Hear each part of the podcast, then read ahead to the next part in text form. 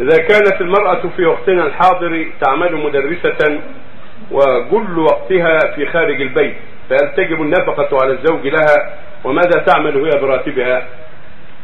هذا يختلف إن كانت دخلت على شرط بينها وبينه أنها أنه يسمح لها بالتدريس ومعاشها لها فعليه يقوم بواجبها من جهة النفقة وهي زوجته وقد دخل على علم وعلى شرط والمسلمون على شروطهم وهي عليها أن تقوم بواجب إذا جاءت الدراسة تقوم بواجب البيت وواجب الزوج وهو يقوم بواجب ويتعاون على البر والتقوى. أما إذا تنازع فالمحكمة تفصل بينهما.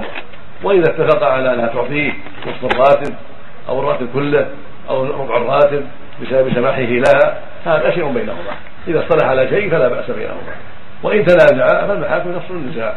أو بعض الجيران وبعض الأقارب يتوسط بينهما ويصلح بينهما حتى لا يترافع عن المحاكم